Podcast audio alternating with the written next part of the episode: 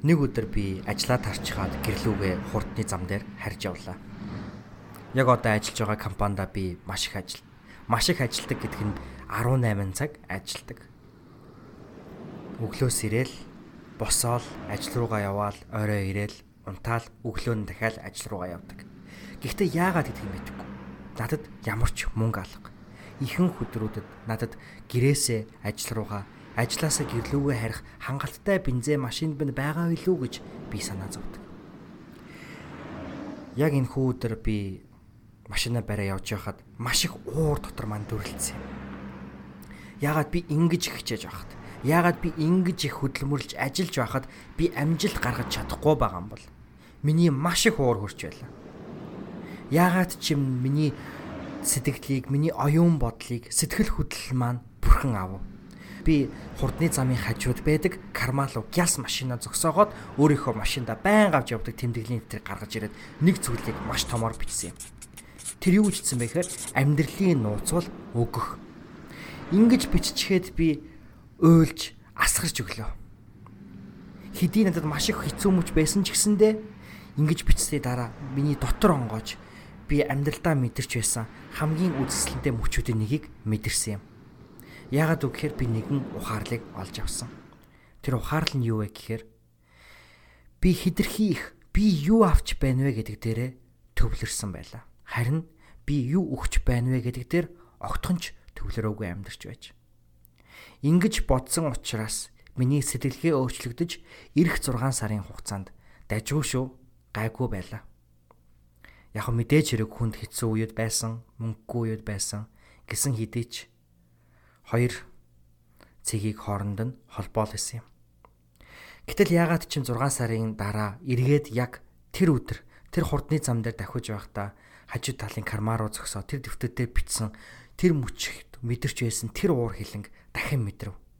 Яагаад гэж энэ удаад би өөртөө биш харин эргээл бусдаас юу авах ёстой бэлээ гэдэг дээрээ бодож төвлөрснөөсөө болж уур маань хөрч байлаа.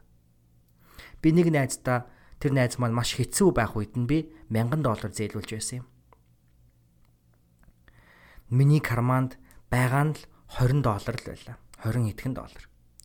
Тийм болохоор бид нар найз руугаа бэсигээл залгаал үнэхээр мөнгө хэрэгтэй байгаагаа хэлэх гэсэн боловч миний дуудлагыг тасалзаал надаас зүхтаал ингээ байсан учраас миний маш их уур хүрсэн. Яагаад би тэр найздаа хамгийн хэцүү, хамгийн хүнд үед нь тусалж байхад, яагаад одоо надад хэцүү байхад миний найзад туслахгүй байгаа юм бэ гэж бодохоор л миний уур хурж байсан юм. Энэ шүнд би ажиллаад тарчгаа гэртээ хараад маргааш амралтын өдөр байсан болохоор өөртөө байгаа 20 хэдэн доллартай багтаагаад яаж энэ мөнгийг хамгийн зөв хэрэглэх үү гэж бодлоо. Зүгээр ядаж хэд хоног үлсэхгүй бай гэсэн бодолтой байсан учраас манай гэрээс 5 км-ийн цаана байдаг нэгэн өөр хотод байдаг ресторан руу хоол идэ гэж бодсон юм л та. Энэ ресторан айгүй гоё ресторан.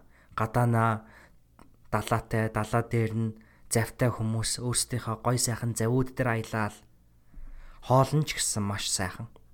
Гэтэ хамгийн гоё нь юу гэхээр 6 доллар төлөөд хүснээр идэж болдог.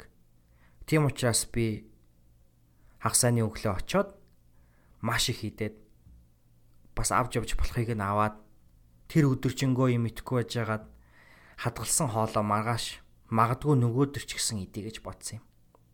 Надад хангалттай мөнгө байгаагүй учраас машинда бензин хийх хүсэл байгаагүй. Тэм учраас би 5 км зүгээр л алхсан.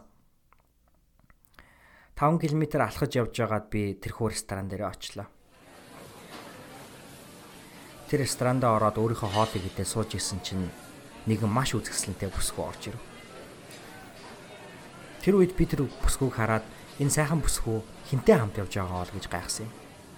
Тэр бүсгүй найз залуу аль эсвэл нөхрөө дагуулж орж ирээгүй.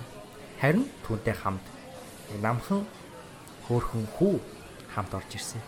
Тэр хүү костюм пижак өмсчихсэн, пижакын дотроогоо хантаа зөмсчихсэн. Хаалгаар орж ирэхдээ ээжтэй хаалгыг нь барьж өгөөл. Ээжигээ сандал дээр суухад сандлыг нь хоошилтаад ээжигээ суулгаад сандлыг нь урагшин түлхээ яг л джентльмен шиг тэрхүү аашилж байсан юм. Тэгэл ярилцаж байхдаа тэрхүү ээжийнхаа нүд рүү хараад инээгээл чин сэтгэлээсээ ярилцаал яг тэр мөчтөө тэр хүү ээжтэйгээ хамт амьдарч байгааг би хараад өөрийн ирэхгүй дотоод сэтгэл минь сэтгэл маань хөдөлсөн юм. Тэгээд би өөрийнхөө хоолны ширээнээс босоод өөрийнхөө төлбөр болох 6 долларыг төлөөд үлдсэн хідэн 15 6 доллароо кармалаад тэр хүү дээр очив юм. Тэгээ би яагаад ч юм тэр хүүг тийм гоё ааштай, тийм джентльмен байсанд нь баяр хүргэхийг хүссэн юм л та. Би хүү дээр очиод сайн уу гэд гарыг нь атгаад гараас гисрэв. Тэгээ чиний нэрийг хэн би гэдэг вэ гэсэн чинь намайг Робби гэдэг гэж хэлв. Чи бүр яг л джентльмен. Чи үнэхээр гайхалтай джентльмен байна. Би чамд энэ бүсгүүд хаалга онгоолгож өгч байгааг харлаа. Чи энэ бүсгүүд сандлыг нь хоош нь татаад суулгаад сандлыг нь урагшаа түлхэж байгааг би харлаа. Чи яг л дээд зэндааны хүн шиг аашилж байна гэж би Робби хүүд хэлсэн. Тэгсэн чи Робби хүү. Зүгээр нэг эмхтэй шээ. Миний ээж байгаамаа гэж хэлв. Тэгэхээр нь би түл бүр гайхалтай. Чи ээжигээ ингэж хөндлөж байна гэдэг чинь маш гайхалтай ээжигээ ингэж хоолнд оруулчин гэдэг чи бүр гайхалтай гэсэн чинь хүү. Би ээжигээ оруулаагүй хоолнд. Надад мөнгө байхгүй штэ. Ээж маань хоолнд оруулнаа гэж хэлв. Тэгээ би хүүд үгүй ээ. Чи ээжигээ хоолнд оруулах гэж байна. Чи ээжигээ хоолнд оруулна. Чи ээжигээ яг одоо хоолнд оруулж ийн гэд өөрийнхөө халаас руу гараа хийгээд надад үлдсэн байсан тэр 15 6 доллароо хүүд өгөө. Хүү нүд нь орой дээр гарч Юу вэ? Би авахгүй авч болохгүй. Та яагаад надад энэ мөнгийг өгч байгаа юм? Гэхээр нь би зүгээр би чамайг энэ мөнгийг аваасаа гэж хүсэж байна. Чиний ийм гайхалтай зан чанар чинь чамд ийм хэмжээний байтугай маш их зүйлийг чиний амьдрал өгөх ёстой гэж би хүүд хэлээд хүүгийн гараас дахин нэг атгаж сэгсрээд хүүд баяртай гэж хэлээд ээж рүү ч харахгүйгээр би тэндээс гараад явлаа. Зарим нэг хүмүүс магадгүй энэ түүхийг маань сонсоод солиорчсан юм уу гэж бодож магадгүй. Ягаад тэгэхээр тухайн үед надад огтхонч ямар ч мөнгө үлдээгүй. Би үлдсэн бүх мөнгөө тэр хүүхдэд өгөөд тэр ресторанаас гараад алхсан.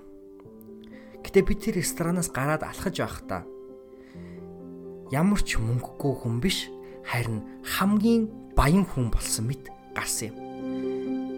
Яг тэр цаг мөчөөс эхлэн би хамгийн баян хүн болсон би баян хүн болсон.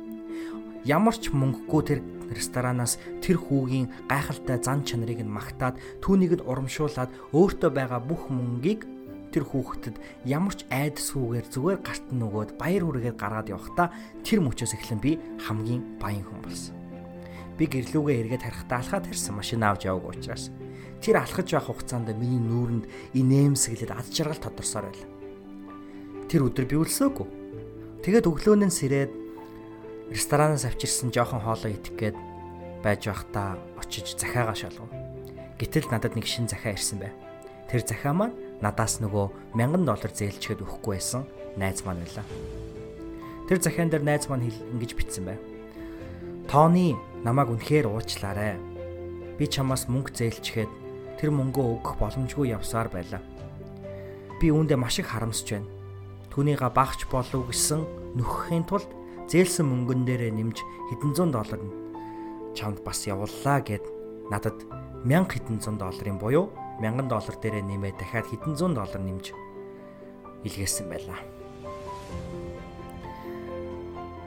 Ямар ч мөнгөгүй болцоход байсан тэр үед би захиаг авч гэртээ ороод буудан дээрээ суугаад амаан гайхаж өрөө. Юу болов гэж Тэгээ би нэг зүйлд итгэхээр шийдсэн юм. Итгэхээр шийдсэн.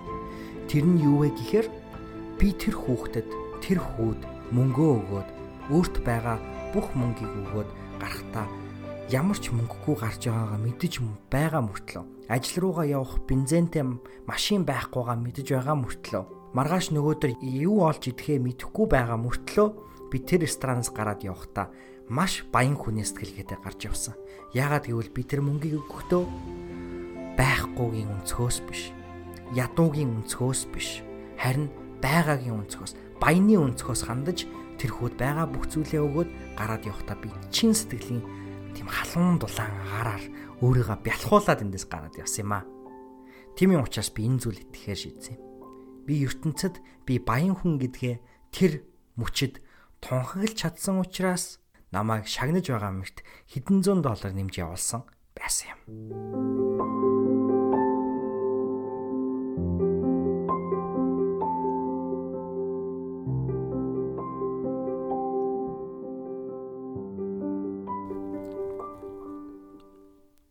Энэ түүхийн эзэн бол хувь хүний хөгжлийн багш, бизнес, санхүү, амьдралын гүрүү, дасгалжуулагч. Сайн мэцхан уу? Та бүхний хост бэлгүүн байна гинтийн зогсолт хийж та бүхний чихийг өвтгсөн бол туйлын хуучлаарай. Тэгээд яагаад гинт зогссон бэ гэхээр яхаа аргагүй тайлбар хэрэгтэй байсан болов уу гэж би бодож байна. Тэг ямар тайлбар вэ гэхээр таны яг одоо энэ хүү сонсож байгаа өнгөрсөн 10 минутыг өнгөрөөсөн энэ зүйл маань юу вэ гэхээр би та бүхэндээ сонсохоор бэлдэж байсан 2018 оны сүүл 2019 оны эхэнд буюу 2019 оны хамгийн эхэнд гарах ёстой байсан дугаар бол яг одоо бичиг та бүхэнд хүрж байгаа энэ хүү дугаар юм. Тэгээ энэ дугаарыг би ер нь та бүхэндээ хүргэхгүй, ер нь болоод булжлаад хаяа гэж бол бодож исэн. Тэр нь яагаад гэхээр энэ дугаар бол дутуу дугаар аа. Тэгээ дутуу гэдэг нь болохоор би зарим энэ дугаарыг бол бичиж дуусгаагүй орхисон. Гинтийн зүйл гараад яг энэ хүүд дугаарыг бол бичихгүй орхиод тэгээд яалтчгүй 2019 оны хамгийн ихний дугаараа бид бүхэн өнжөөд дараагийнхаа дугаараас маш их хүчтэйгээр бид өхөн эхлүүлсэн байгаа шүү дээ. Тэгээд эргээгээд бодсон чинь эргээгээд сонссон чинь энэ дугаарыг та бүхэндээ хүргэхгүй орхивол буруу юм шиг санагдаад байсан. Яагаад үг гэхээр энэ дугаарыг хичнээн би ганцаараа ярьсан ч гэсэндэ маш их үн цэн агуулсан дугаар юм болов уу гэж би бодож байна. Энэ дугаарыг үнэхээр авах зүйлийг нь аваад гээх зүйлийг гээгээд сонсох юм бол та бүхний амьдралд бол маш их үн цэнийг өгч чадах дугаар болов уу гэж би бол туйлын итгэлтэй байна. Яагаад үг гэхээр бид бүхэн шинэ он гараад ирэхээр өөрсдийнхөө өмнө том том зорилгоодыг бол тавьдаг те Жишээ нь гэхэд энэ подкастн дээр бид бүхэн хэрхэн ном унших уу, хэрхэн богино хугацаанд маш олон ном унших уу гэдэг энэ хүү яриаг бол хийсэн байгаа. Жишээ авч ярихад. За тэгээд 2019 онд хэд хэдэн хүмүүс олон тооны хүмүүс ерөнхийдөө бол 52 ном ч юм уу эсвэл ерөнхийдөө бол өдөр болгон ном унших, 7 хоногт нэг ном унших гэх мэтчлэн тийм зорилгоодыг өмнөө тавьсан байгаа гэж би бол итгэлтэй. Гисэн хэдиж та бүхэн бол мэдж байгаа а судалгаагаар батлагдсан зүйл нь юу гэхээр хүмүүс урдаа тавьсан тэрхүү зорилгоодынхаа дундуур нь бууж өгөх тохиолдол бол маш их байдаг. а 2019 он гараад одоо бол бараг 3 сарын хугацаа бол их болох гэж байна. 2019 оны 2 сарын одоо 2 дугаар хагас бол аль хэдийн бол эхэлж гисэн байна. А тэгэхээр энэ үед бол урдаа тавьсан зорилгоудаа бууж өгсөн аль эсвэл хийхээр төлөвлөж байсан зүйлүүдээ хийхгүй орхисон түүнээсээ болж нөгөө урд тань байсан инерцээ алдаа тий. За мөн өөрийн тань өөрөөс тань хамаарал хүчин зүйлүүдээс жишээ нь одоо Монголын цагаан сарч гэдэг юм уу маш олон баяр ёслолууд эдгээр зүйлүүдээс болоод таны инерц буурсан байж болно. Тэгэхээр яг энэхүү инерц буурсан үед тань магадгүй дахиад нэг хөдөлгөх хүч болгох түлхэх хүч нь энэхүү подкаст байж чадах юм болов уу гэж би бол итгэсэн байгаа. Тэрэнд энэ подкастын үнцэн нь оршиж байгаа гэж би итгэж байгаа.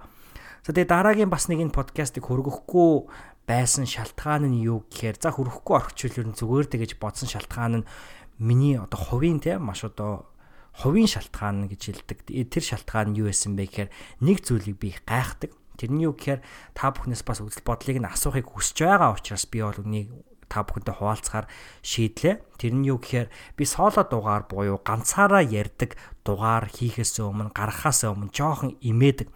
Юу вэ гэхээр та бүхэнтэй бас нэг богинохон түүх хуваалцахад Ямин 8 хэрхэн эхэлсэн бэ гэдгийг анх удаа сонсож байгаа Сэхэтэн гэр бүлийн ширхэн гişүүдээс тайлбарлахад Ямин 8 гэдэг бол миний хамгийн анх өөрийнхөө хувийн амьдралаас онцлог 8 зүйлийг тухайн 7 хоногт хүргэдэг блог байсан. Ямин 8 1-ээс 9 бол тэр чигтээ блог байсан. За тэгээд нэг үйлрэл амраад хоёрдугаар улирлаас ахуулан бид бүхэн подкаст хэлбэрээр та бүхэндээ хүргэж эхэлсэн. А подкаст хэлбэр рүү шилжихтэй ч гэсэндээ би бол подкаст хамгийн анх өөрийнхөө амьдралд онцлог 8 зүйлийг ярьж бол эхэлсэн байгаа. За тэгээ 2 байна уу 3 дугаар явсны дараа аль бие усны зочин уурж оролцуулаад яг энэхүү подкаст бол цэвэр амьдралын хэм маягийн подкаст бол болгож бол өөрчилсөн. Тэгэхээр тэр дугаараас хойш бол ер нь бол маш олон тооны зочид манай подкастад оролцож ерөнхийдөө бол одоо хөндлөнгийн хүний зүгээс зүгээс харахад бол энэ подкаст бол нэлээд ярилцлагын шин чанартай. Ер нь бол ярилцлагын подкаст гэж хэлэхээр бол болсон байдаг. А гисэн хэдий би энд тэнд те тодорхой хугацаанд бол хаяа одоо юм ганцаараа ярьдаг соло дугаарууд бол хийж байсан. А түүнээс гадна мэдээж хэрэг манай найзууд надаас асуултууд асуугаад би өөрөө зочноор оролцох ийм тохиолдлууд ч байсан. А иймэрхүү дугаарууд хүрэхдээ би ганц зүйлээс имээдэг. Тэр нь юу гэхээр миний зочид а надтай одоо миний зочдын та бүхэнд манай зочдын та бүхэнд өгч байгаа тэрхүү үн цэнтэй үнц нь өгч бүх хэмжээнд миний ганцаараа ярьж байгаа дугаар тийм хэмжээний үнц нь үнэхээр өгч чадж байгаа болов яаж байгаа бол гэж би имээдэг боддог гайхдаг. Тийм учраас та бүхнээс би нэг зүйлийг хүсхий хүсэж байгаа маа тэр нь юу гэхээр энэхүү дугаарыг та бүхэн маань сонсч үзээ. За эсвэл ер нь бол манай подкастыг сонсдог сонсогч нар маань та бүхний үзэл бодол юу вэ те? Би ганцаараа дугаар хийхээр дэмий яадаг уу? Эсвэл зүгээр үү те? Хаяада ингээд ганцаараа сооло дугаар ихэд зүгээр байдгүй аль эсвэл үнэхээр гайхалтай байдгүй юу гэдэг чи би зөвхөн та бүхний бол цэвэр шудраг одоо энэ хүсэл бодлыг бас сонсохыг үнэхээр хүсэж байна. Аа би бол ямар ч одоо шүүмжлэж байсан болно. Ягаад тэгэхээр би бол тэрийг маш одоо зөвөр хүлээж авах болно. Би тэгээ хүлээж авахдаа бүр баяртай байх болно. Ягаад тэгэхээр би үнэхээр одоо шудраг шулуун ийм үзэл бодлыг бол та бүхнээсээ сонсохыг бол хүсэж байна. Ягаад тэгэхээр бид бүхэн бол нэг гэр бүл шүү дээ. Скетэн гэр бүл гэж бид бүхэн энэхүү подкастаар дамжуулан бий болж байгаа community буюу хотлоо ол нэрлдэг байгаа. Тэгэхээр нэг гэр бүлийн гишүүдийн хувьд та бүхэн маань надад өөрийнхөө үзэл бодлыг заавал хэлээрэй гэж би бол үнэхээр их бол хүсэж байна. Тэгээд та бүхэн маань юу гэж бодож байна тэр хүсэл бодлоо хуваалцвал би маш их туйлын их баяртай байх болно. За тэгээд энэхүү дугаараа энэхүү дугаар дээр би ерөнхийдөө юуны тухай цаашдаа ингээ ярих вэ гэхээр та бүхэнд хэлсэнчлэн 2019 оны тухай 2019 онд хэрхэн хүчтэй байх вэ гэдэг ерөнхийдөө бол ерөнхий сэдв байгаа. А гисэн хідээж би бол өөрийнхөө хувийн үзэл бодлуудыг бол хэлээгүй. Ягаад үг гэхээр юу хэлж байна гэхээр би бол та бүхний мэдж байгаачлан хийсэр ментор гэдэг ийм том яг одоо нэг хэллэгийг бол гаргаж ирж хэрэгэлдэг байгаа. За тэг хийсэр ментор гэдэг нь хэнийг хэлж байна гэхээр бид бүхэн бол 21-р зуунд амьдарч байна. Бид бүхэн сонсхийг хүсэж буй хүнээ тэр хүнтэй тодорхой хэмжээний мэдээлэл байнгын онлайн ертөнцид тавьдаг бол тэр хүнээ дагаж тэр хүнээсээ үлгэрлж тэр хүнийхээ заасан сургасан зүйлүүдийг амьдралдаа хэрэгжүүлж болдог ийм цаг үед бол амьдарч байгаа. Тэгэхээр өөрөөр хэлбэл 20 дугаар зуунд ч юм уу арай бага боломжтой байсан 18 19 дугаар зуунд төдий бүр бага боломжтой байсан зүйлийг өнөөдөр бол бид дээр зэрэг ашиглаж болох нь бид бүхэн өөрсдөө танихгүй мэдэхгүй уулзч байгаагүй хүнтэйгээ virtually гэж англиар хэлдэгчлэн одоо хийсвэр байдлаар тэр хүнээсээ суралцах боломжтой. Тэгэхээр тэр хүний нэг хүнийг сонгож суралцж байгаа тэрхүү суралцаж буй хүнийгаа одоо танд зааж сургаж буй тэр хүнийгаа би хийсвэр ментор гэж нэрлэдэг. Тэгэхээр энэ хүү дугаар болохоор 2019 онд миний хийсэр менторууд дин одоо ямар зөвлөгөө сургаал гэдэг юм уу те тэрхүү хичээлүүдийг амьдралдаа хэрэгжүүлснээр 2019 оноо илүү эрүүл, илүү баян, илүү эрч хүчтэй, илүү бүтээн зөндөртэй, илүү гайхалтай өнгөрүүлж болох вэ гэдэг сэдвийн түвшинд бол би одоо та бүхэнтэйгээ шууд мэдээллүүдийг бол хүргэсэн байгаа. Тэгэхээр энэ хүү мэдээллүүдийг бол би заримыг нь мэддэг, заримыг нь амьдралдаа хэрэгжүүлдэг, заримыг нь огтхонч мэдхгүй зүйлүүд хүртэл байгаа. Тэгээ энэ хүү зүйлүүдийг би бол заримыг нь одоо шууд тэр доор нь уншаад та бүхэндээ бол орчуулж дээрэс нь өөрийнхөө үзэл бодлыг нэмэх байдлаар бол хийсэн ийм дугаар юм аа. Тэгэхээр би тэр утгаараа ч гэдэг юм уу энэ дугаарыг эхлээд ер нь зарим зүйлийг нь хасаа засаад янзлаа та бүхэндээ хүргэе гэж бодсон. Гэтэл яг ингээ өөрөө сонсож явахад болохоор хасчихвал магадгүй тодорхой хэмжээний үн цэнэ алдчих юм болов уу гэж би бодсон. Ягаад тэгэхээр альва зүйлийг зүйлийг одоо нэг номыг та бүхэн өнөөдөр ингээд сугалж аваад бариад уншихад нэг номны 13 дугаар хуудсан дах нэг цогцлбор таны амьдралд маш их өөрчлөлтийг авчирхад байтал магадгүй таны найз тэр номыг аваад уншихад тэр номны 49 дугаар хуудсан дээрх зогсолбор хамгийн их үнцнийг тэр хүний амьдралд бол өгч магадгүй. Тэгэхээр хүн болгоны амьдрал гэдэг бол өөр өөр ингэсэн онцлогтой учраас энэхүү подкаст дээр яригдж байгаа манай хийсэр ментүүдийн сургаалуудын зарим нь зарим хүн тохирон зарим нь зарим хүн тохирохгүй өөрөөр хэлбэл нөгөө монгол хүний авах гээхийн ухаанаар яалтчгүй хандах ёстой ийм дугаар юм болов гэж би бодсон учраас яг засаагүй хасаагүй яг тэрхүү байдлаар нь хүрэхэд бэлэн болоод байна. Тэгээд та бүхний гинт гацаас нь дуучлаараа тэгээ сонирхолтой ондоо мэдрэмж төрүүлсэн бол би баяртай. Тэгээд энэхүү бас ондоо мэдрэмж өгч мэдэх бас дарагдаад булагдаад хойно орхигдож мэдэх байсан энэхүү дугаараа та бүхэн маань үргэлжлүүлэн хүлээн авч сонсноо. Дасгалжуулагч Антони Jai Robbins буюу бид бүхэнд Tony Robbins нэрээр алдаршсан эрхэн билээ. Тэрээр Forbes сэтгүүлийн дэлхийн хамгийн хүчирхэг хүмүүсийн жагсаалтын 68 дугаар байранд явж байгаа юм. Гисэн хідээж түүний хүүхэд нас залуу нас амархан байгаагүйг та бүхэн хүү түүхээс харж байна. Залуу наснда хэдий их хөдөлмөрлж ажиллаж байгаа ч гэсэндэ маргааш нөгөөдрийн хоолтой унттай үгүйгээ мэдхгүй явж исэн үе түнд байсантай адилхан хүүхэд байхдаа хүртэл тэрээр хоол хүнсээр гачигдж явж байсан түүхтэй. Тимийн учраас тэрээр яг одоогоор Америкийг хооллож байна буюу Feeding America энаар дамжуулан нийт 100 сая хоолыг Америкуудад түгээхээр жил болгон их хөдөлмөрлөдөг нэгэн ажээ. Америкт яг одоогийн байдлаар 40 сая гаруй хоол хүнсийн дутагдал гачигдaltaй хүмүүс байд юм байна. Тэдгээр хүмүүсийг хооллох нь Тони Робинсийн гол зорилго байдаг ажээ. Тэгэхээр өөрийнхөө туулсан зовлон, бэрхшээл дээр үндэслэн бусдад туслах нь түүний хамгийн том зарчим юм. Тийм ч учраас мөн хэрхэн мөнгөтэй олох уу, хэрхэн сайхан амьдрах уу, хэрхэн зөв амьдрах уу, хэрхэн аз жаргалтай амьдрах уу гэдгийг хүмүүс сургадаг хов хүний хөгжлийн багш байдаг. Түүний амьдралд зааж байгаа, залуучуудад зааж байгаа тэрхүү зүйлүүдийг би сонсох, мэдэх, суралцах, судлах маш их дуртай.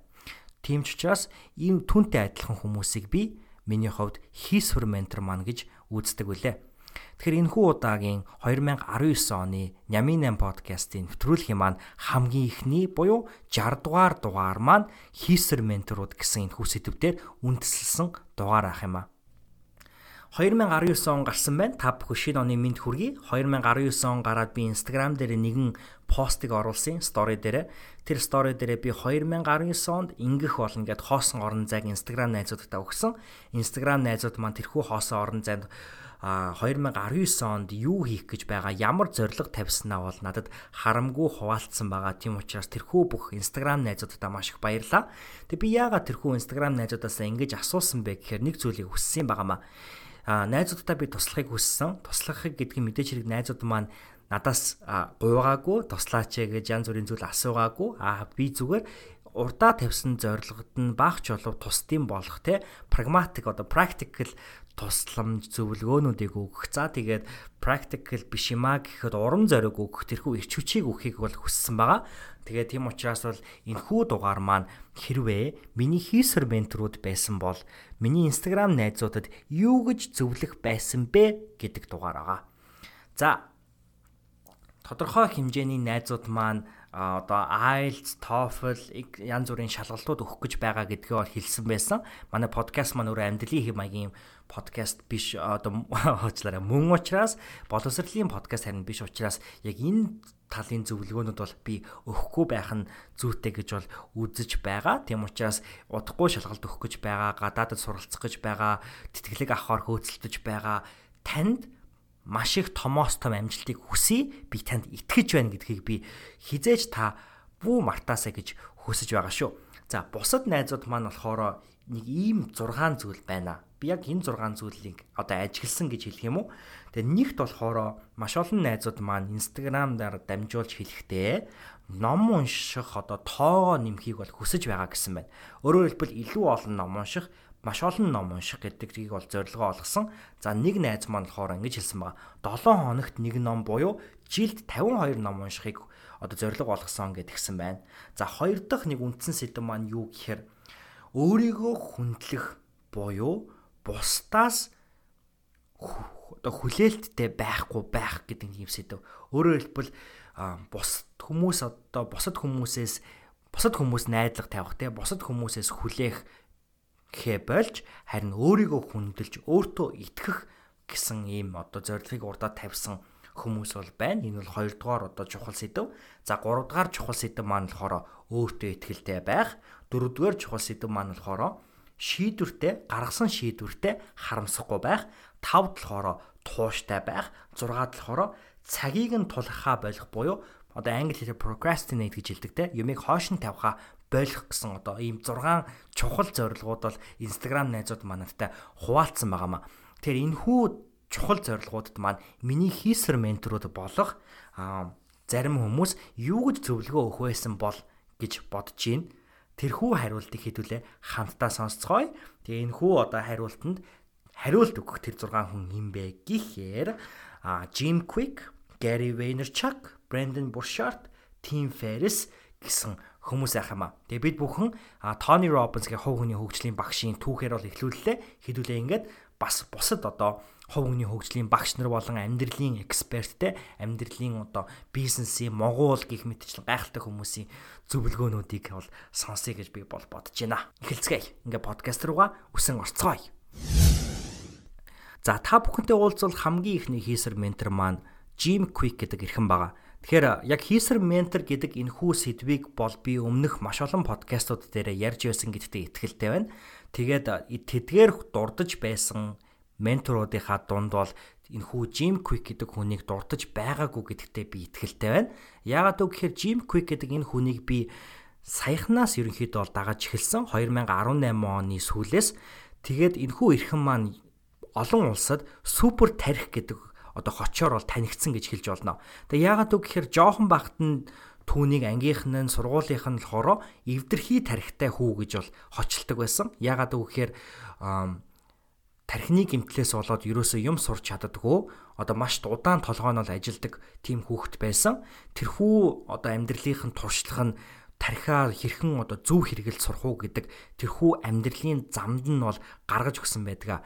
Тийм ч учраас quick learning гэдэг одоо компанийг байгуулж түүнийхээ гүйцэтгэх захирлыг хийж одоо дэлхийд даяар сая сая хүмүүс өөрийнхөө тархийг хэрхэн хамгийн зөв ашиглаж хамгийн богино хугацаанд хамгийн их зүйлийг бүтээж хамгийн их зүйлийг санаж чэйжилж хурдан уншихыг бол зааж сургадаг ийм багш байдаг. Тэгээд хурдан унших гэдэг дээр болохоро зэрэг миний хувьд бол нэг асуудал хөө гэж би өөрийгөө боддог байхгүй. Би угаасаа өөрийгөө гайгүй төвшний хурдан уншдаг бол гэж би боддог. Өмнө нь бол шалгуулч байсан, дажгүй хурдан төвшөнд бол уншдаг. Тэгээд яг ингээд хурдан уншдаг болёо гэд ингэхээр зэрэг нэг тийм дараагийн төвшний зүйл санагдаад ерөөсөө димич юм шигтэй эсвэл ерөөс ингээ санаанд багтаж өгдөггүй байсан. А гэтэл энэ Jim Quick гэдэг хүн болохоор хурдан унших гэдэг нь маш одоо тийм төвхтэй ойлголт биш юм аа. Энэ бол энгийн чадвар, энгийн дадал зуршил юм аа гэдгийг бол ойлгуулж өгсөн хүн. Тэр ч утгаараа би энэ хүнийг бол дагдаг болоод байгаа. Тэгээ энэ хүү хүний Jim Quick-ийн сурсан одоо ном хэрхэн маш олон ном унших вэ гэдэг аргуудыг бол та бүхэнтэй хуваалцъя гэж бодож байна. Тэгэхээр дундаж хүн жилд 2 ном уншиж байхад дундаж компани компанийн одоо гүйцэтгэх захирал сард 4-6 ном уншдаг юм байна. Microsoft-ийн үүсгэн байгуулагч Bill Gates жилд 50 ном уншдаг гэдэг. Хөрөнгө оолтын салбарын гайхамшиг одоо Warren Buffett өдөрт 5-6 цаг уншдаг. Tesla Motors, SpaceX компаниудын үүсгэн байгуулагч Elon Musk өдөрт 2 ном уншиж өссөн гэж ах нь бол хэлж байсан. Үүнээс үзэхэд илүү их уншдаг хүн амжилтанд хүрэх илүү их магадaltaй гэж үзэж болно. Үзэж болно. Тэгэхээр үүний тулд одоо маш практикл алхмуудтай бол би орхон зүйтэй гэж бодож байна. Одоо ном жилд 52 ном уншихын тулд яг юу хийх ёстой вэ гэдэг дээр их практикл зөвлөгөөнүүдийг Jim Quick одоо юу гэж өгөх байсан болоо. Тэгэхээр нэгт ном уншиж дуусгах биш ном уншиж сууж сурах нь илүү чухал. Тэгэхээр би яг одоо энэ хүү ярьж байгаа зүйлүүдэд нилээд ихийг нь бол одоо ерөнхийдөө бол яг гол санаа нь бол Jim Quick-ээс гарсан. А гэхдээ яг ингэж найруулж үг өгүүлбэрт оруулсан хүн нь бол би байгаа. Тэгэхээр бол өөрийнхөө нэлийн одоо туршлага дээр бас үндсэлж хэлсэн гэж бол үзэх нь бол зүйтэй. Тэгэхээр нэгт болохоор ном уншиж дуусгах биш одоо биш юм байна тий. 7 хоногт нэг ном уншнаа гэд ингээ урталтаа зориг тавьчихаараа зэрэг тэр нь маань ингэж их зовлон болоод идэг. Нөгөө номоо заримдаа бид их зузаан ном уншиж болно, заримдаа богинохон ном уншиж болно шүү дээ. Тэгэхээр ном болгон адилгүй зузаан, богинохон, уйдгартай, хөгжилтэй гэд янз бүрийн ном байгаа. Иймд ном бүрийг заавал уншиж дуусгах бол албагүй. Ялангуяа уран зохиолын биш номыг те хувийн хөгжлийн ном ч юм уу. Олон номууд нэг л санааг илтгэхийн тулд хэдэн зуун хуудас болгож баяжуулсан байдаг.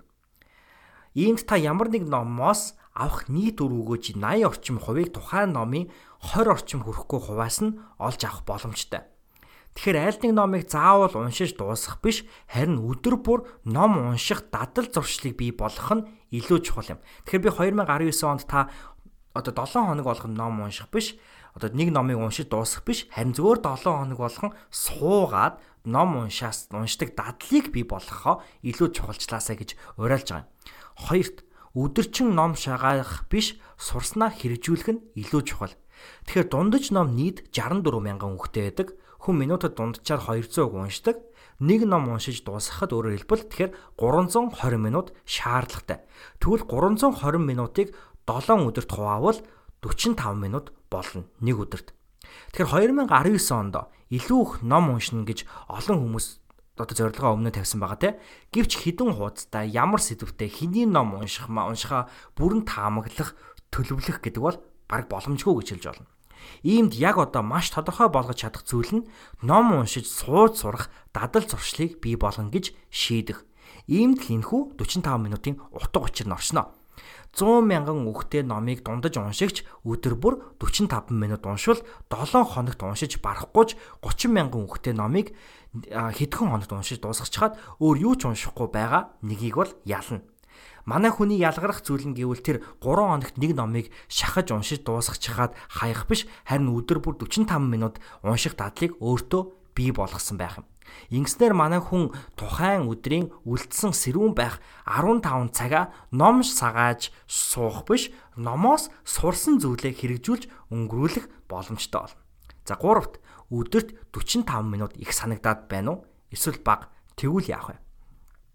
За тэгэхээр 45 минут ном унших хэрэгтэй юм байна. Магадгүй та бусдаас нэг илүү алхаад 40 50 минут эсвэл 1 цаг уншиж болно. Тэр бол таны дур. А гэхдээ хамгийн том зорилго тавьчихад түүнийгээ биелүүлж чадаагүйгээс болж бид шантардаг гэдгийг бүх мартаарай. Үүн дээр өгөх одоо миний хувийн зөвлөгөө бол нэгт 45 минутыг задлах. Та заавал яг таг нэг суугаад суудлаа суудлаасаа огтхон ч хөндөрөхгүйгээр уншиж одоо 45 минут уншиж өнгөрүүлэх бол албагүй. Үүний хооронд та эхлээд 10 минут, тэгээд 15 минут, тэгээд 20 минут гэж хуваагаад үе хооронд нь нэгээс 5 минутын завсарлага аваад өөрийгөө одоо урамшуулж болно. Тэгэхээр өөрөлдөлт 10 минут уншлаа тий. 10 минут сэрүүлэг тавилаад уншлаа. 1 минут босоод сайхан сунаалаа. 15 минут уншлаа. 2 минутыг сайхан амралт аваад ус уудаг ч юм уу тий. Иргэд суугаад 20 минут уншлаа. За ингээл 45 минут болчлоо. Та ном уншлаа. Баяр хүргэе. Ингэснээр баг багаар одоо бид ингээд төвлөрөх чадвар бол сайжруулна. За хоёрт тогтсон ном унших цагаа ол сонгох хэрэгтэй. Өглөө босоод эсвэл шүн унтахаас өмнө шүдэ угаадагтай адил ном унших нь таны хувьд одоо тийм дадал болох хэвээр. Тэгэхээр ийм айл болох ном унших тусгай цагаа сонгоод тэр цагтаа гар утас, Facebook, Instagram гэд таныг сатааруулах бүх зүйлсээ үгүй хийх хэрэгтэй. За миний хувьд өглөө болгон болон өдөр болгон non fiction буюу а уран зохиолын ном уншихыг бол санал болгож байна. Харин өдөш унтахаас өмнө уран зохиолын ном унших нь өдрийн стрессээс алхад тусалж тааламжтай байдаг. Яагаад гэвэл миний уншдаг уран зохиолын бус номууд ихэвчлэн хувь хүний хөгжил, бизнес, сүнслэг ертөнд сэтгэл судлал гэх мэт сэдвүүдээр байдаг тул уг сэдвүүд нь надад их ихэнх сэдлийг бол төрүүлдэг. Тэгэхээр ийм сэдэл урам зориг шин унтахаас өмнө авчихвал нойр өрөхгүй байх магадaltaй. За гол нь өдөрт 45 минут ном унших нь чухал тул нэг дор юм уу нэг дор нэг юм уу хоёр ном унших нь бол тийм ч одоо том асуудал бол биш. Гэтэ хоёроос дээш ном унших, нэг номоос авах хэрэгтэй зүйлээ авч дууссан гэж үзээгүй үедээ өөр ном руу өсрөх зэрэг нь одоо буруу гэж би бол боддог. Би өөрөө тэгдэг хандлагатай хүн бол одоо туршлага дээрээ бол үндэслэн бол одоо зөвлөж гинэ.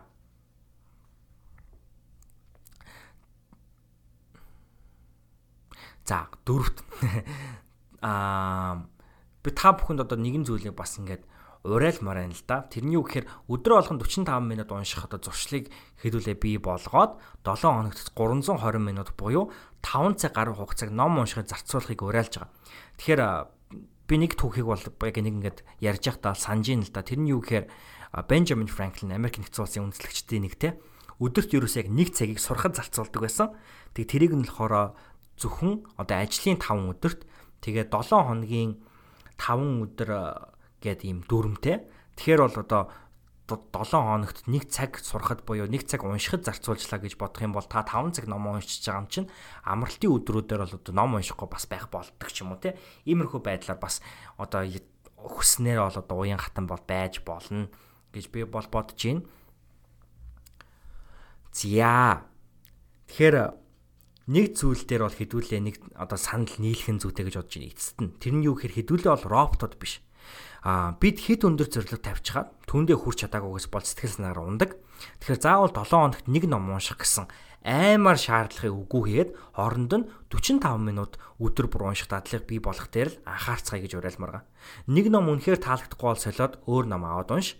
Тэр номыг уншиж дуусгасан гэдгээ тоолох биш. Өдөр бүр 45 минут уншсан гэдгээ л тоолцгоё.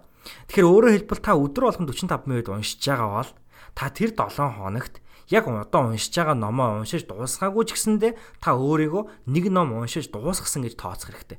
Ягаад үг гэхээр түрүүн хэлсэнчлэн ном болгон адилгүй зарим ном зузаан зарим ном нэмгэн. Тэгэхээр магадгүй та өдөр болгон 45 минут ном уншаад байвал тэр 7 хоногт нэмгэн одоо 3 4 номч дуусгачих болно шүү дээ. А тэгсэн тохиолдолд та өөрийгөө бас стил одоо үргэлжлүүлэн нэг ном уншсан гэж бол тооцох нь одоо зүйтэй. Өөрөөр хэлбэл бид нар хамгийн чухал нь ном уншиж сурах дадлыг л бий болгох нь илүү чухал гэж би бол бодож байна. За 320 минутын уншлага хийх болгондоо өөрийгөө нэг ном уншсан тооцноо. Тэгээд үүнийгээ болохоор хідүүлээ бас хэмжих бол бүрэн боломжтой. Тэр нь болохоор гар утсан дээрээ бол одоо тэмдэглэдэг ч юм уу те. Өнөөдөр ингээд 45 минут уншсан гэж тэмдэглэж болно. Альсвал миний одоо хэрэгэлдэг нэг юм апп байдаг. Forest гэдэг. Одоо Forest те iMod гэдгийн англи үг. Тэгээ Forest гэдэг ингээд та олох юм бол App Store дээр 1 доллар гэдэг баха. Гэтэ та 1 доллар төлөө таны төлсөн мөнгөөр тэр одоо ашиг нь болохоор яг дэлхий дээр жинхэнэ мод тарихад бол зарцуулагддаг. За Instagram юу уучлаарай Android дээр болохоор үнэгүй байдаг. А гэхдээ премиум буюу одоо дараагийн төвшингийнх нь хувилбар шилжүүлэх гэх юм бол бас нэг 99 цент төлдөг. Бас адилхан таны төлсөн тэр Монгол мод тарихад бол зарцуулагдана. Та хэдий ч нэ төвлөрн төдий ч нэ зоос цуглуулна. Тэр зоосороо та өөрийнхөө ай модыг илүү үзэсгэлэнтэй болгож болох буюу шин шин мод бутнууд бол худалдаж авч болно. Шин хөгжим төвлөрүүлдэг хөгжим бас худалдаж авч болно. Эсвэл та мөнгөө бүр сайн цуглуулж байгаа зоосоо цуглуулж хагаад тэрхүү зоосороо жинхэнэ мод тарихад бол бас дахиж хандиулж бол болдгоороо тун гайхалтай. Тэгээд иймэрхүү аппуудыг бас хэрэглээд 45 минут өдөрт уншиж байгаануудаа бүртгээ явуучих юм бол их гоё. Номоожон ши модооч тари гэдэг шиг те. Тэгээ ийм байна. За тэгээд дараагийн болохоор Jim Quick-ийн санал болгож байгаа нэг зүйл нь болохоор хурдан уншиж сурхаа юм байна лээ. Тэгээ энэ хурдан уншиж сурах гэдгийг нь би нэлээд одоо өөрийнхөө үгээр л тайлбарлчихъя. Хүний нүд гэдэг бол ингээд маш юм хурдан эргэтэн. Өөрөөр хэлбэл их сатаарах дуртай. Маш их мэдээллийг нүд бол байнгын авч идэг. За дээрэс нь хүний тарих гэдэг бол маш одоо таны төсөөлснөөс илүү хурдан ажилтдаг юм одоо эргэтэнтэй. Тэгээ бид нар ингэ болохоор нэг ийм зүйл байдаг. Коллеж их сургууль сурж байхдаа их одоо ер нь бол сургууль сурж байхдаа бид нар ингээд шалгалтанд бэлдэж байхдаа ч юм уу нэг сэдвийг ингээд суралцж байхдаа болохоор тэр сэдв дээрээ маш их ингэж төвлөрч бол ажилдаг. Тэгээд тэр нь юу хэлж ийна гэх юм бол одоо ингээд ном уншиж чинь те маргааш шалгалттай өнөөдөр ном уншиж чинь гэхээр ингээ айгүй удаан ингээл нэг ном уншаал ингээл за энэ чухал зүйл байна ингээл нөгөөдхөө ингээл тодруулагчаар тодруулаад ингээл айхтар удаан уншаал ингээд гэдэг. Тэр хүний тарих бол тэгж удаан унших тусмаа яг үнэндээ бол уйдаатай сатаар амир уйтгартай санагдаад ингээ өөр зүйлд анхаарал нь бас саринд юм байна. Тэгээ нэг жишээтэй одоо зүүрэлж ярьж болно л доо. Ингээ та хурдны зам дээр за нэг багахан хэмжээний одоо хурдтай давхиж ийн гэж төсөөлөе те. Тэгхийн бол зүгээр нэг өрүүлээрээ нэг гараа өрүүлээ бариад нөгөө гараараа сайхан кофегоо оогаал өнөөдрийнхээ ажлыг бодоол өчигдрөө бодоол ингээл одоо сайхан амраад явж ин штэ. Гэтэл та эсэргээрээ ингээд 100 майл буюу одоо 100 гаруй километрийн хурдтай ингээд хурдны зам дээр явж байгаа төсөөлтөө хажуугаар чи маш том том ингээл машинууд ингээл өнгөрөөл том том тракууд те том том ачааны машинууд өнгөрөөл. Юм бол та өстө хоёр гараа өрүүлэн дээр барьж байгаа л өстө. Хамаг эмчин төвлөр бол адреналин одоо ингээл мэдрэгдээл те адреналин задраал хамаг анхаарал чи яг тэр машин барих дээр төвлөрнө. Юун тэр өнөөдрийн ажил өчигдрийн тэр хэрүүл маргаан бүх зүйлийг магтаад зөвхөн машин барих дээр төвлөрнө. Тэгэхээр түүнтэй адилхан бид нэр хурдан уншиж сурахын тулд тэгж удаан уншиж бол болдгоо байна. Хурдан уншина болно гэдэг болохоор бид нар нүдээ маш одоо хурдан хөдөлгөж тэрхүү цаасан дээр байгаа зүйлүүдийг бол ингээ хурдан бол унших хэрэгтэй. За түүний тул нөгөө нүд гэдэг одоо сонин хэрэгтэй байна те нөгөө ингээ айгүйх мэдээлэл авдаг юм сониуч хэрэгтэй ч гэдэг юм уу. Тэгэхээр бид нар ингээ хамгийн анх хүүхэд байхдаа ном уншиж сурж байхдаа хуруугаараа ингээ яг уншиж байгаа зүйлийнхаа доор ингээ заагаад ингээ явдаг те. Тэгэхээр зэрэг хүний нүд бол ингээ хөдөлгөөн мэдрээд тэр ингээ зүйл ингээ татагддаг. Тэгвэл хэдүүлээ яг ингээ уншиж байгаа зүйл дээрээ Та яг одоо магадгүй энэ подкастыг төр зур паузлаад нэг юм дасгал хийгээд үзээрэй. Ойрхон байгаа нэг ном ч юм уу нэг унших зүйлийг барьж аваад яг ингээд гараа тавихгүйгээр хурууга тавихгүйгээр зүгээр 1 минутын цаг тавиад 1 минут ингээд уншаад үз. За тэгээд уншсан үгээ альсэл зүгээр уншсан хэдүүлээ юугаа тоолчих. Мөрүүдээ та хэдэн мөр уншсан байна ингээд тоолоод үзээрэй. За тэгснийхаа дараа дахиад нэг удаа минутын одоо цаг тавиад яг ингээ хуруугаараа ингээ хурдан хурдан үгэнд ороо ингээд гүйлгээд та хэр удаан уншиж байгаа ч хамаагүй таны уншиж байгаа хурднаас таны хурууны хурд илүү хурдан байх хэвээр. Тэгээ ингээд уншаад үзээрэй те. За тэгснийхаа дараа юугаа мөрөө дахиад нэг тоолоод үз. Хамаагүй илүү өөрчлөлт. Ер нь бол зарим хүнд бол 40 гаруй хувь хүртийн бол өөрчлөлт бол гардыг мэлээ. Би нэг найзыгаа бас хийлгүүлж үзсэн. Яалтчгүй дундаж хурдаар уншдаг байсан бол шууд дараагийн төвшөнд бол ингээ очиж байгаа байхгүй Тэгэхээр яг энийг та бүхэн бол туршаад үзээрэй. За тэгээд ингээд нөгөө 45 минут номоо уншиж гин 45 минут номоо уншихдаа ингээд нэг нэг ойлгох гол ингээд удаан унших биш ингээд гоё хурдан хурдан тий. Тэгээ хэрвээ төвлөрч өгөхгүй бол ингээд хуруугаараа гүйлгээд хурдан хурдан ингээд уншаад үзээрэй. Тэгэх юм бол хамаагүй хөөрчлөлт мэдэгдэх болно гэж би бол бодож байна. За ингээд дараагийнхаа хэсэг рүү орцгоё. Дараагийн чухал сэдв буюу 2019 онд өмнөө зорилго болгон тавиад байгаа Instagram найзуудын маань чухал зүйл юу гэх юм бол бусдаас хүлээлтгүйгээр амьдрах. Буюу өөрийгөө илүү ихээр хүндлэх. Тэгэхээр хүлээлт гэдгийг энэ сэдвтэ expectation буюу бусдаас хүлээх, бусдад найдах гэдэг энэ хүү сэдвээр хамгийн гайхалтай зөвлөгөө өгч чадах хүн хэн бэ гэж надад асуух юм бол би хамгийн түрүүд нэг хүн дээр л очино. Тэр бол social media буюу олон нийтийн сүлжээний entrepreneur businessman хүн Gary Vaynerchuk байгаа. Gary V гэж бол олон танигдсан байдаг. Gary V-гийн бичсэн жилийн өмнө бичсэн How to have zero expectations буюу хэрхэн тэг хүлээлттэй байх вэ? Хэрхэн тэг 0 хүлээлттэй, найдвартай байх вэ гэдэг ийм артикл нэг жилийн өмнө бичиж байсан. Тэгээ энэ хүү артикл бол миний амьдралд маш их үн цэнийг бол өгч байсан. Тэгэхээр таны амьдралд ч гэсэн төдий чимнээ магадгүй илүү эсвэл тодорхой хэмжээний үн цэн өгнө гэдэгт бол би туйлын ихтгэлтэй байна. Тийм учраас энэ хүү одоо артиклийн гол санааг би бол та бүхэнд бол хэлхийг орчуулж өгөхийг бол хүсэж байна. За, Gary Vaynerchuk ингэж хэлсэн байгаа. Тэг хүлээлттэй байна гэдэг энэ хүү ойлголтыг хүмүүс маш их буруугаар ойлгодог, ойлгодог.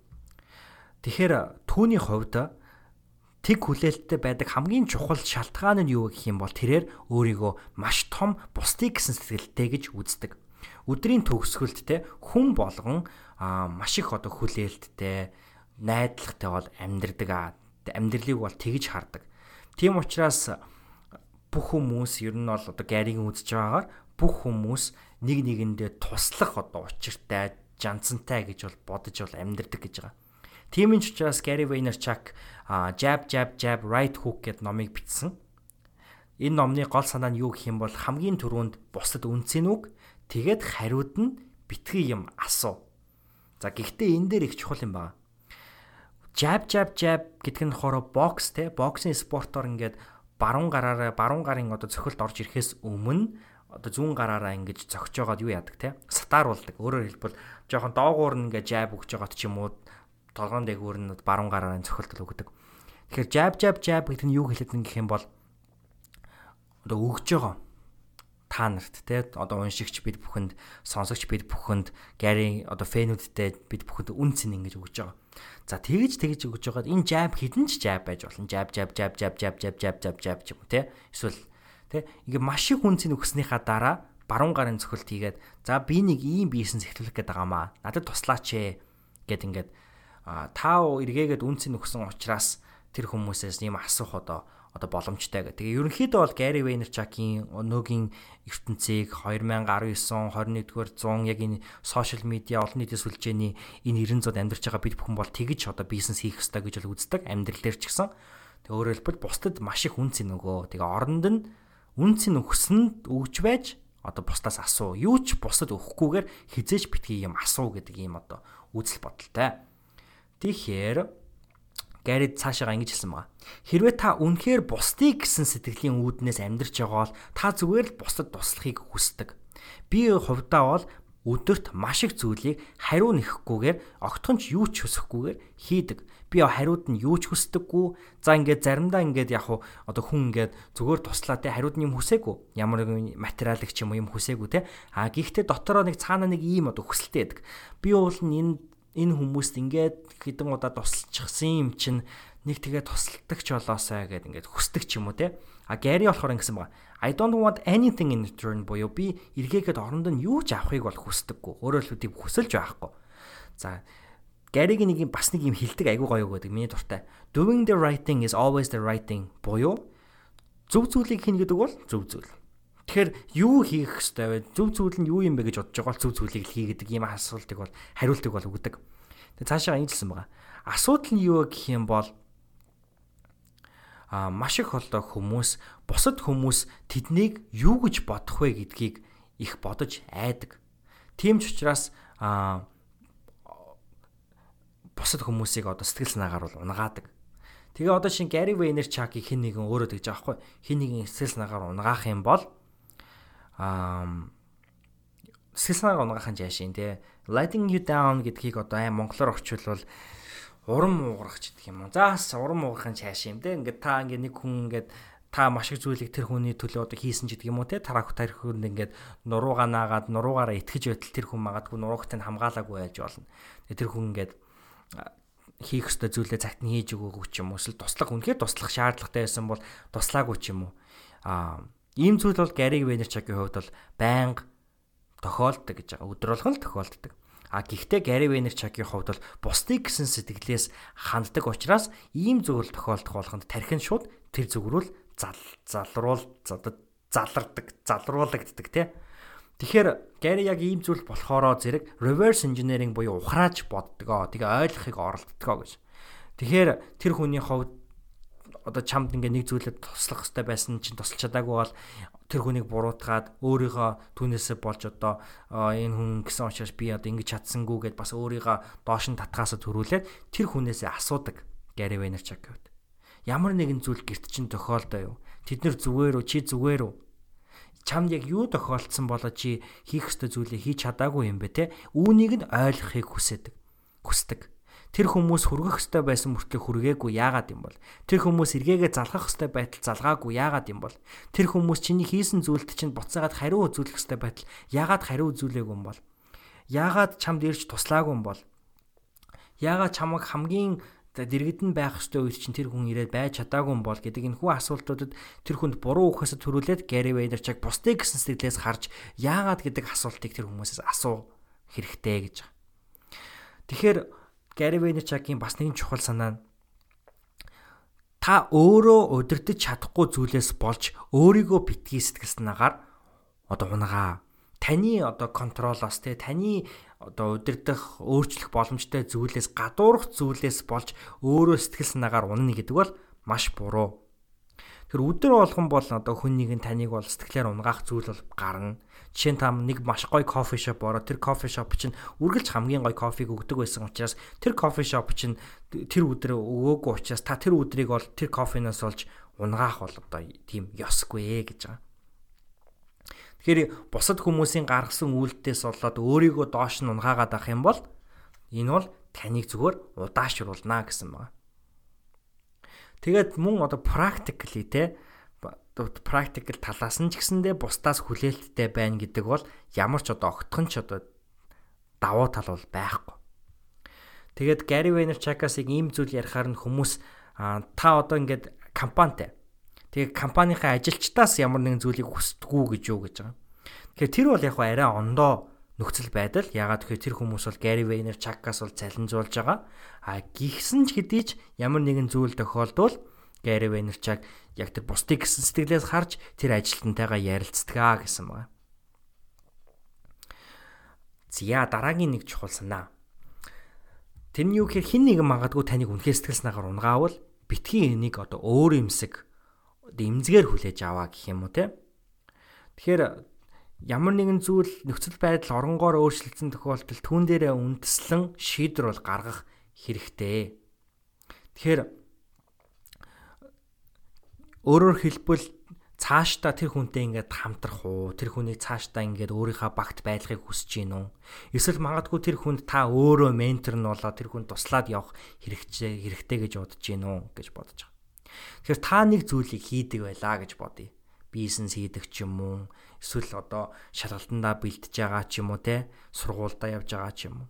Тэгээд энэ бол таны л одоо асуудал. Таны бизнес. Тэгэхээр хүн болгон та таны та өөрийнхөө бизнес санаа зовдөг шиг хүн болгон таны бизнес санаа зовхол шаардлага байхгүй. Яг тэр одоо таны хэрхэлж байгаа бизнес чинь та 50%, тэр хүн 50% эзэмшдэг бол магадгүй тэр хүн тантай адилхан санаа зовх бол ёстой та тэр тохиолдолд бол тэр хүнээс бас тэр бизнесийг аваад явах хэмжээний зүйлийг тэр хүнээс хүлээх ёстой.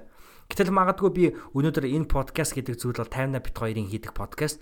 Гэтэл би 50 бит 2-оо одоо хөтлөгч бит 2-оос биш те хөтлөгч биш хүнээс ч юм уу маш их зүйлийг хүсээд найдал тавиа те байгаадах юм бол буруу. Ягаад гэх юм бол энэ бизнес одоо энэ подкастаас өгөөж энэ подкастыг хийн гээд ингээд шийдсэн хүмүүс бол бид а энэ подкастаас өгөөж авж байгаа хүмүүс нь бол хамгийн их өгөөжийг магадгүй авж байгаа хүмүүс нь бас бид хоёрыг бас байж болно те. Ягаад тэгэхээр маш их зүйлийг бол сурж авч байгаа шүү дээ. Тэгэхээр бол тогтмол хийх нь бол бид хоёрын бол өөрсдийн асуудал. Тэгэхээр яг мэдээж хэрэг одоо босод хүн танд таны одоо хүсэж исэн хүлээж исэн зүйлийг өөгөөс болж одоо сэтгэл санаагаар уннаа гэдэг бол хамгийн гол зүйл нь бол биш ээ. Зүйл нь бол биш ээ. Аа харин тэр одоо зүйлээс болоод одоо негатив буюу сөрөг үнцөх одоо сөрөг харга үнцөхөөс хандах нь хамгийн чухал. Одоо хандахгүй байх нь хамгийн чухал. Тэгэхээр зэрэг хэрвээ хин нэгэн та ингээд хин нэгэнд та ингээд хүлээлттэй байсан тэр хүн тань тэр хүлээлтэгт нь өгч чадаагүй бол та түүнд талрах та тэр хүнд тэр хүнийг ойлгох өнцгөөс бол харж одоо хандаж харьцаа цаашдаа эргээгээд бусдаас альва зүйлийг хүлээхгүй найдахгүй амьдрах нь зэрэг өөртөө ихтгэлтэй байх одоо энэ хүч чадвартал сургана гэж Гэри Вайнерчаг хэлсэн байна. Тэгэхээр тэг хүлээлттэй байсан нь Gary Vaynerchuk илүү одоо бие даасан байхыг бол сургасан гэсэн байна. Тэгэхээр надад өөр хүнээс өөр хин нэгнээс юу ч хэрэггүй. Би юу ч одоо хин нэгнээс хүлээхгүй байна. Яг л ингэж би амьдарсаар ирсэн. Одоо би 40 нас гараад явж байна. Тэгээд амжилттай амьдарч байгаагийн амжилттай 40 наснда бизнес хийгээ явж байгаагийн нэг хамгийн чухал шалтгаан нь юу гэхээр би бол ингэж бусдаас хүлээлтгүй бие дааж амьдрах нь чухал байсан юм байна гэж бол итгэж байгаа. Та бусдад тэг хүлээлттэй байхад бусад бүх зүйлсүүд зүгээр л сайхан сюрприз болж хувирдгаа гэсэн байна. Тэгэхээр өөрөөр хэлбэл ингэж байгаа байхгүй. Та хий нэгнээс юу ч хүлээхгүй амьдарч чинь те.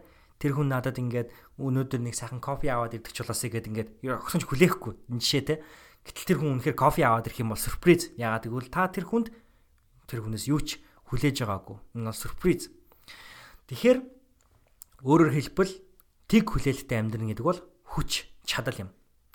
Энэ хүч чадал над энэ хүч чадлыг Gary Vaynerchuk хин нэгнээс бол авах шаардлагагүй. Энэ хүч чадлыг Gary Vaynerchuk өөрөөсөө дотроосоо олж одоо олж авсан. Тэгээд Gary Vaynerchuk аз жаргалгүй хүмүүсийг юу гэж харж ийна гэх юм бол тэр хүмүүс бусдаас маш их зүйлийг бол хүлээдэг Тэгээд бусдыг одоо амьдрал тань одоо сайн сайхнах ч юм уу амьдрал нь хэрэгтэй зүйлийг бусад хүмүүс танд авчиж өгөхийг бол хүлээгээ байждаг. Тийм учраас тэр хүмүүс бол аз жаргалгүй амьдрдсан байна гэж Гэри Вайнерчаг бол итгэдэг гэж байгаамаа. Бусдаас юу ч хүсэхгүй амьдрснаар би нэг алхам төрүүлж алхах юм а гэж Гэри Вайнерчаг хэлээд аа энэ хүү артикл бол өндөрлүүлсэн байна. 3 дахь 2019 онд өмнөө тавиад байгаа нэгэн чухал зорилго маань скетинг гэр бүлийн хувьд маань юу гэхээр хэрхэн өөртөө илүү ихтгэлтэй байх вэ гэж. Тэгээ энэ хүү асуултын хариултыг би хинээс хамгийн түрүүнд очиж асуух байсан бэ гэхээр Brendan Burchard гэдэг хүний хөгжлийн багш байгаа. Тэгэхээр High Performance Habits гэдэг номын зохиолч, Motivation Manifesto гэдэг номын зохиолч, Life's Golden Ticket гэдэг номын зохиолч. Ерөнхийдөө бол өөрөө бол их номын зохиолч гэдэг одоо энэ хүү цолоор ол цоллогдуулах бол хамгийн дуртай хов хүний хөгжлийн багш байгаа.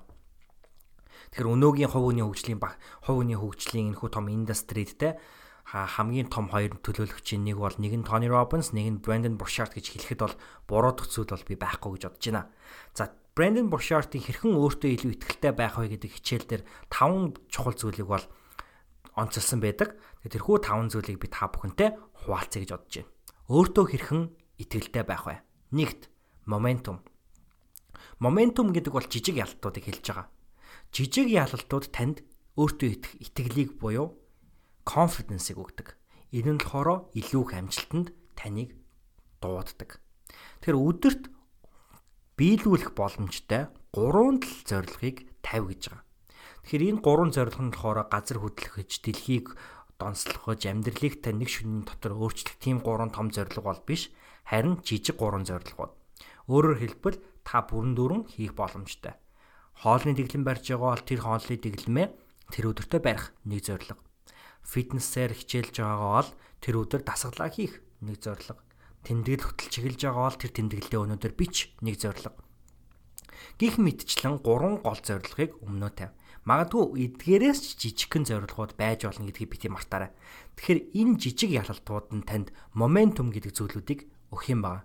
Тэгэхээр энэ моментум гэдэг энэ жижиг ялалтууд нийлсээр энэ нь том ялалт болдгоо. Энэ нь танд өөртөө итгэх итгэлийг өгдөг.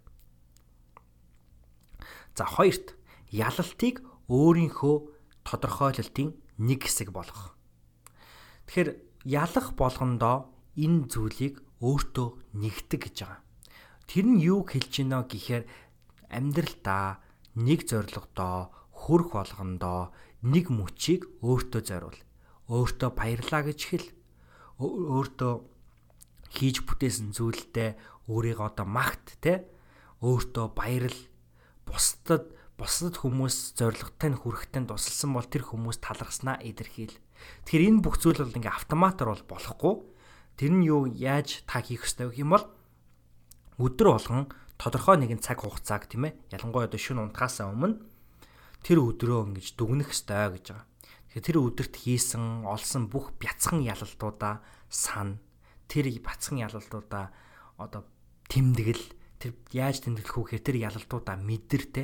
Тэгэхээр энэ болохоор сэтгэл зүүн нууц гэж байгаа. Энэ болохоор энэ хичээлийн сэтгэл зүүн нууц. Өөртөө хэрхэн илүү итгэх вэ гэдэгтийн сэтгэл зүүн нууц. Өөрөөр хэлбэл өдөр болгон өөрийнхөө амжилтыг тэмдэглээ гэж байгаа. За гуравт бусдаас хариу сонс. Тэгэхээр энэ нь юу гэлж байна гэхээр та үнэхээр өөртөө эргэлзээ те өөртөө ингээ урам хугараад би ч өстой хүгийн амьтан штэ гэд ингээд ирэх үедээ өөртөө та хамгийн өөрийнхөө итгэдэг нэгэн дээр очиод асуу. Чиний бодлоор би юунд хамгийн сайн гэж бодож байна? Юу намайг сайн хүн болгодог гэж бодож байна? Би юун дээр илүү их ажиллавал илүү сайн хүн болох вэ гэж асуу. Тэгээ энэ хүмүүсийн таны итгэдэг энэ хүмүүсийн хариулт таныг өдөөх аль эсвэл магадгүй таныг зүгээр л зүг зүв зүгчихтэй нь чиглүүлж өгөх одоо байгаа. Тэгэхээр заримдаа бид зүгээр л бусдын ирч хүч, бусдын урам, бусдын зүг чигээр дутагдж байдаг гэдгийг бити мартаарай гэж байгаа. За дөрөвт эмоц буюу мэдрэмжүүдийг чиглүүл. Өдөр болгон та юуг мэдрэхийг хүсэж байна? Аз жаргал уу? Зугаа зингэл үү? Хөвгөлтэй байдал уу? Тэ? Тим гоё excitement буюу одоо ийм бүр ингэ догтлол уу? Тэгэхээр яг ямар мэдрэмжүүдийг та амьдралдаа авч амьдрахыг хүсэж байна. Тэр одоо мэдрэмжүүдийг та гаднах одоо хүчин зүйлээс болж амьдрал тань ирнэ гэж хизээж битгий хүлээ. Аз жаргал гадна байдаггүй. Аз жаргал дотор байдаг аа гэж байгаа. Өдөр болгон зүгээр тодорхой хугацааг нүдэн ханаад өнгөрөө гэдэг. Би Брэндон Бурчардыг санаж байхад ингэж ярьдаг аахгүй өглөө усанд орж явахдаа яг ингэж боддог. Өнөөдөр би хинтээ уулзах вүлээ. Тэр хүнтэй уулзахдаа ямар хувцас өмсөө, тэр өрөөлөө ямар энергитэй ороод, тэр хүний гараас барихдаа ямар нүднээс цог гал цацруулаад те хэрхэн өөртөө ихтгэлтэйгээр өдрийнх нь амрыг ирэх үү гэдгийг ингэж боддог. Өөрөөр хэлбэл тэр мөчид ямар мэдрэмж өөрөөсөө гарах уу? Түүнээсээ улбалаад өөрөө ямар мэдрэмж түүнээсээ авах уу гэдгийг ингэж төсөөлж харж мэдэрдэг. Тэгээ магадгүй ингээд заримдаа үнэхээр урам зоригдтаад ах юм бол дуртай номоо барьж аваад дуртай хэсгээ уншдаг ч юм уу. Тэр хэсгээ уншихтаа бүр ингээд итгэлтэйгээр, чангаар, эмоцтойгоор, хүч чадалтайгаар уншаал альсэл өөртөө үнэхээр ирчүүж өгдөг тэр зүйлүүдийг өдөр болгон хийгээл, өглөө болгон хийгээл те. Өөрөөр хэлбэл та ямар энерги, ямар ирч хүч, ямар эмоц, ямар мэдрэмж мэдрэмээр тэр мэдрэмжийг битний битгий гаднаас хүлээ. Өөрөөсөө дотроосоо бий болгоо гэж байгаа. Тавд өөрийгөө хайрл. Та энэ дэлхий дээрх 7 тэрбум гаруй хүмүүсийн хүмүүс донд цор ганц. Энэ өөрийнхөө цор ганц хосгүй байдлаа тань мэдэр үнийга хүнддэг. Тэгэхээр танд бол одоо ингээд өөрийгөө үл оошох ч юм уу те тийм хүч чадал бол байхгүй гэж байгаа маа. Яагаад вэ гэхээр бид нэр өөрийгөө өөрөөрөө бахархах бүрэн дүүрэн танд танд тийм эрх мэдэл тань байгаа. Өөрийгөө хайрлах бүрэн дүүрэн тийм эрх мэдэл танд байгаа. Тэгэхээр өдрө болгон тодорхой цаг мөчийг аваад яг өнөөдөр та хэн байгаа вэ? Та хэн бэ гэдэгтээ зүгээр л талархаа. Та та ма энэ подкастыг сонсож байна гэдэг чинь та дараагийн төвшин гарахыг хичээж байгаа, тэмүүлж байгаа тийм хүн гэсэн үг юм аа. Тийм учраас өөртөө талархаа, өөрөөрөө бахархаа. Та танд өөрөөрөө бахарх, өөрөөрөө өөрийгөө одоо шүтэх гэд хэлсэн чи яа вэ те тэр бүх эрх таны өмнө нээлттэй та ямар их ивэгцэн хүн бэ гэж өөрийгөө бод те өнөөдөр цохлох зүрх байна. Амьсгал хагаар байна. Хитрхи хэдий утаатай байгаа ч гэсэндэ амьсгал чадчихээн. Амьд байгаадаа хамгийн гол нь баярлаа. Ууш их тань байна гэд тэгэхээр байгаа юмдаа талархахыг бол Брэндон Буршаар тавдах буюу хамгийн сүүлийн зүйлээрээ л уриалсан байгаамаа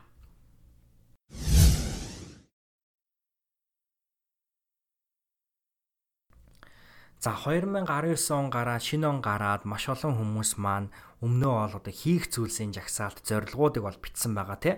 За дөрөв дэх чухал сэдв маань юу вэ гэх юм бол гаргасан шийдвэртэй харамсахгүй байх гэдэг.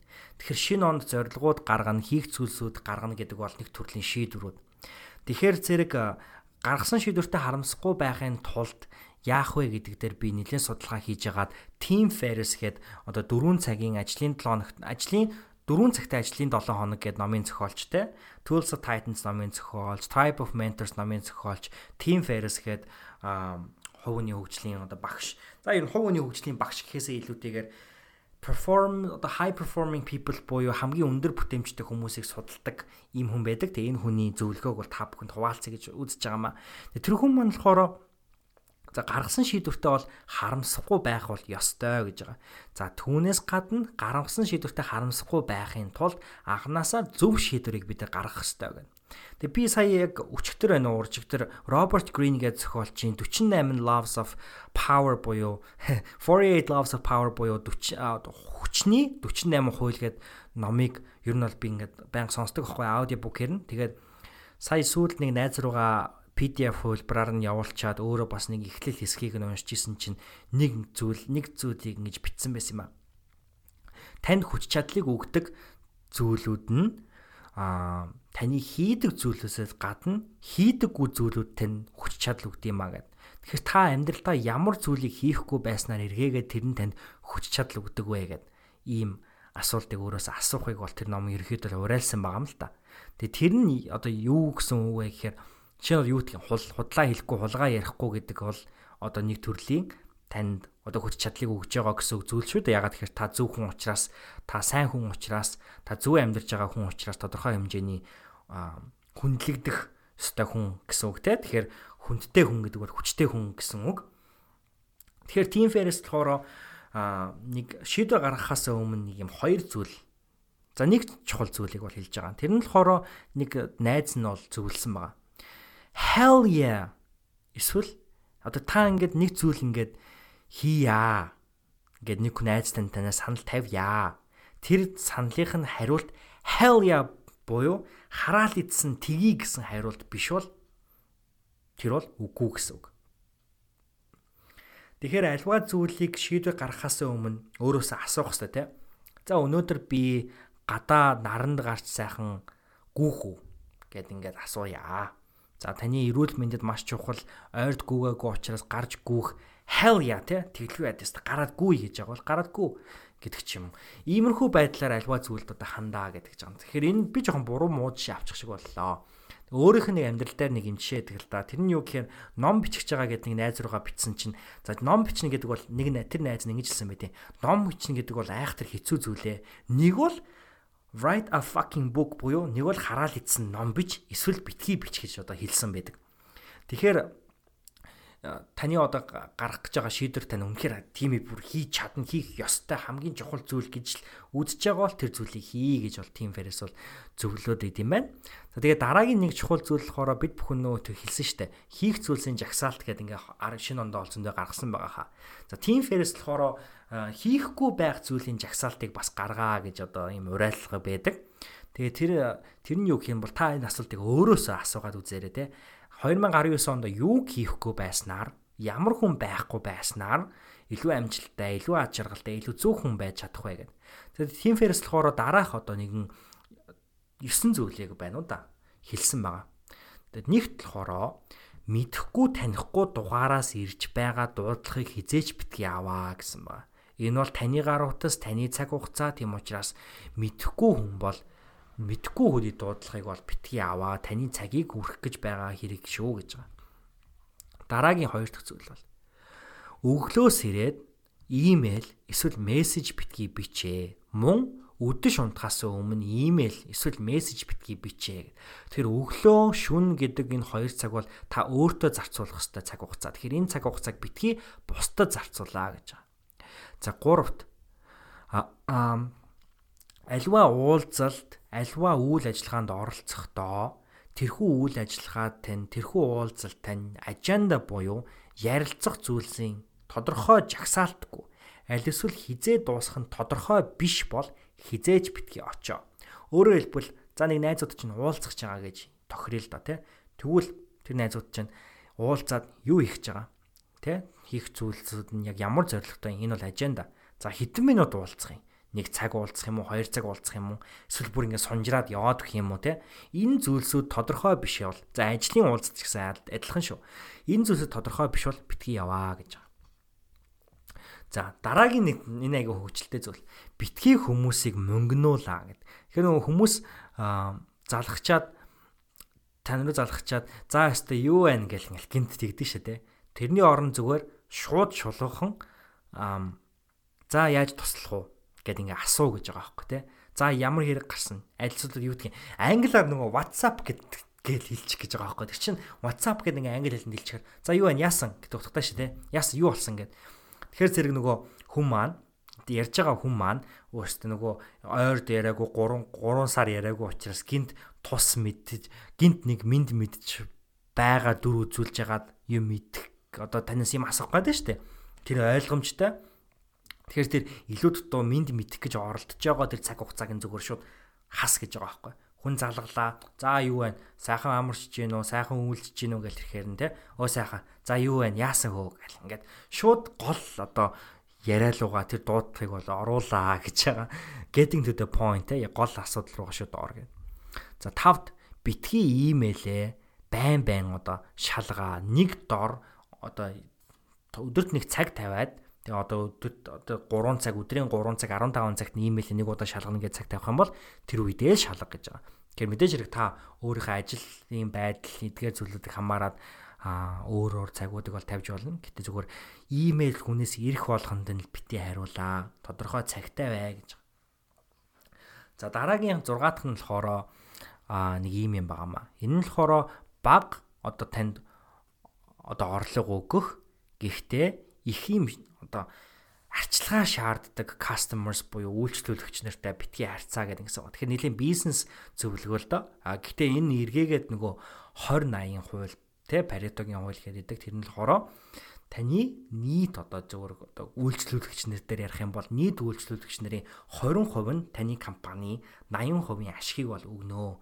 Тийм учраас зэрэг ашиг баг оруулах мөртлөө айгүй их ингээл ийм асуудаг тий айгүй их арчилгаа шаарддаг ийм үйлчлүүлэгч нартай битгий over communicate буюу хид давуулж битгий харьцаа тий өөрөөр хэлбэл мэдэх ёстой юмыг нь л хэл а хийх ёстой юмыг нь л хийж өгөө. Дараагийн нэг дотоод илүү алах юмыг бол битгий аваа гэж байгаа. За долоод. Альва зүйлийг битгий араас нь засах гэж гүү харин анханасаа тэр зүйлүүдээ prioritize хийх буюу чухалчл гэж байгаа. Тэгэхээр энэ өдөр юу хамгийн чухал вэ? Энэ 7 хоногт юу хамгийн чухал вэ? Энэ сард юу хамгийн чухал вэ гэд тэрхүү чухал зүйл дээр төрүүлж бол ажиллаа. Битгий жижиг зүйлүүдээр төрүүлж ажиллаа гэж байгаа. За дараа 8-д болохоор 7 хоногт ядаж нэг өдөр гар утсхан өнгөрөө гэж байгаа.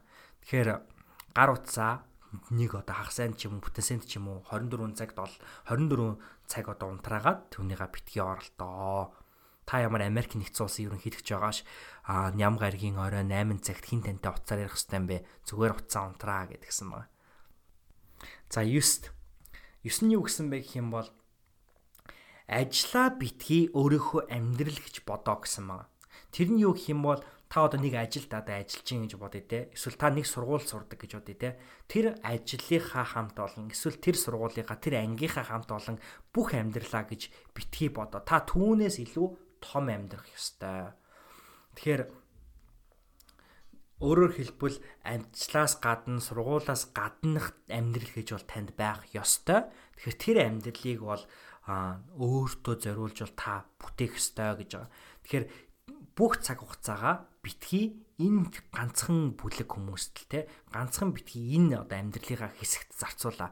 Бүл хүмүүстэй бас чухал биш шүү. Зөвхөн зөвхөн ажиллаа л бодоол те зөвхөн тэр нэг ажлынхаа нэг прожектоор л амьдралаа өрөх биш та амьдралаас том одоо bigger than life personality гэж англи үг нь хэлдэг те амьдралаас том амьдраа гэж хэлээд байгаа юм лээ. За тэгээд энэ хүрээд Team Ferris маань гаргасан шийдвэртэй харамсахгүй амьдрахын тулд яах ёстой вэ гэд энэ дээр бол ингэж зөвлөхөөх байсан болов уу гэж миний судалгаа бол харж байна. Тэгээд Team Ferris маань шийдвэртэй гаргасан шийдвэртэй харамсахж амьдрахаас илүүтэйгээр шийдвэр гаргахаас өмнө зөв шийдвэр гаргах эсвэл бүр анханасаа ямар ч шийдвэр гаргахгүй буюу нэг зүйлийг хийхгүй байх нь зөв юм аа. Зарим зарим зүйлийг хийхгүй байх нь зөв юм аа гэж одоо бид бүхэнд бол өөрийнхөө судалгаа шинжилгээнээр бас үндэслээд хэлээд идэг юм аа.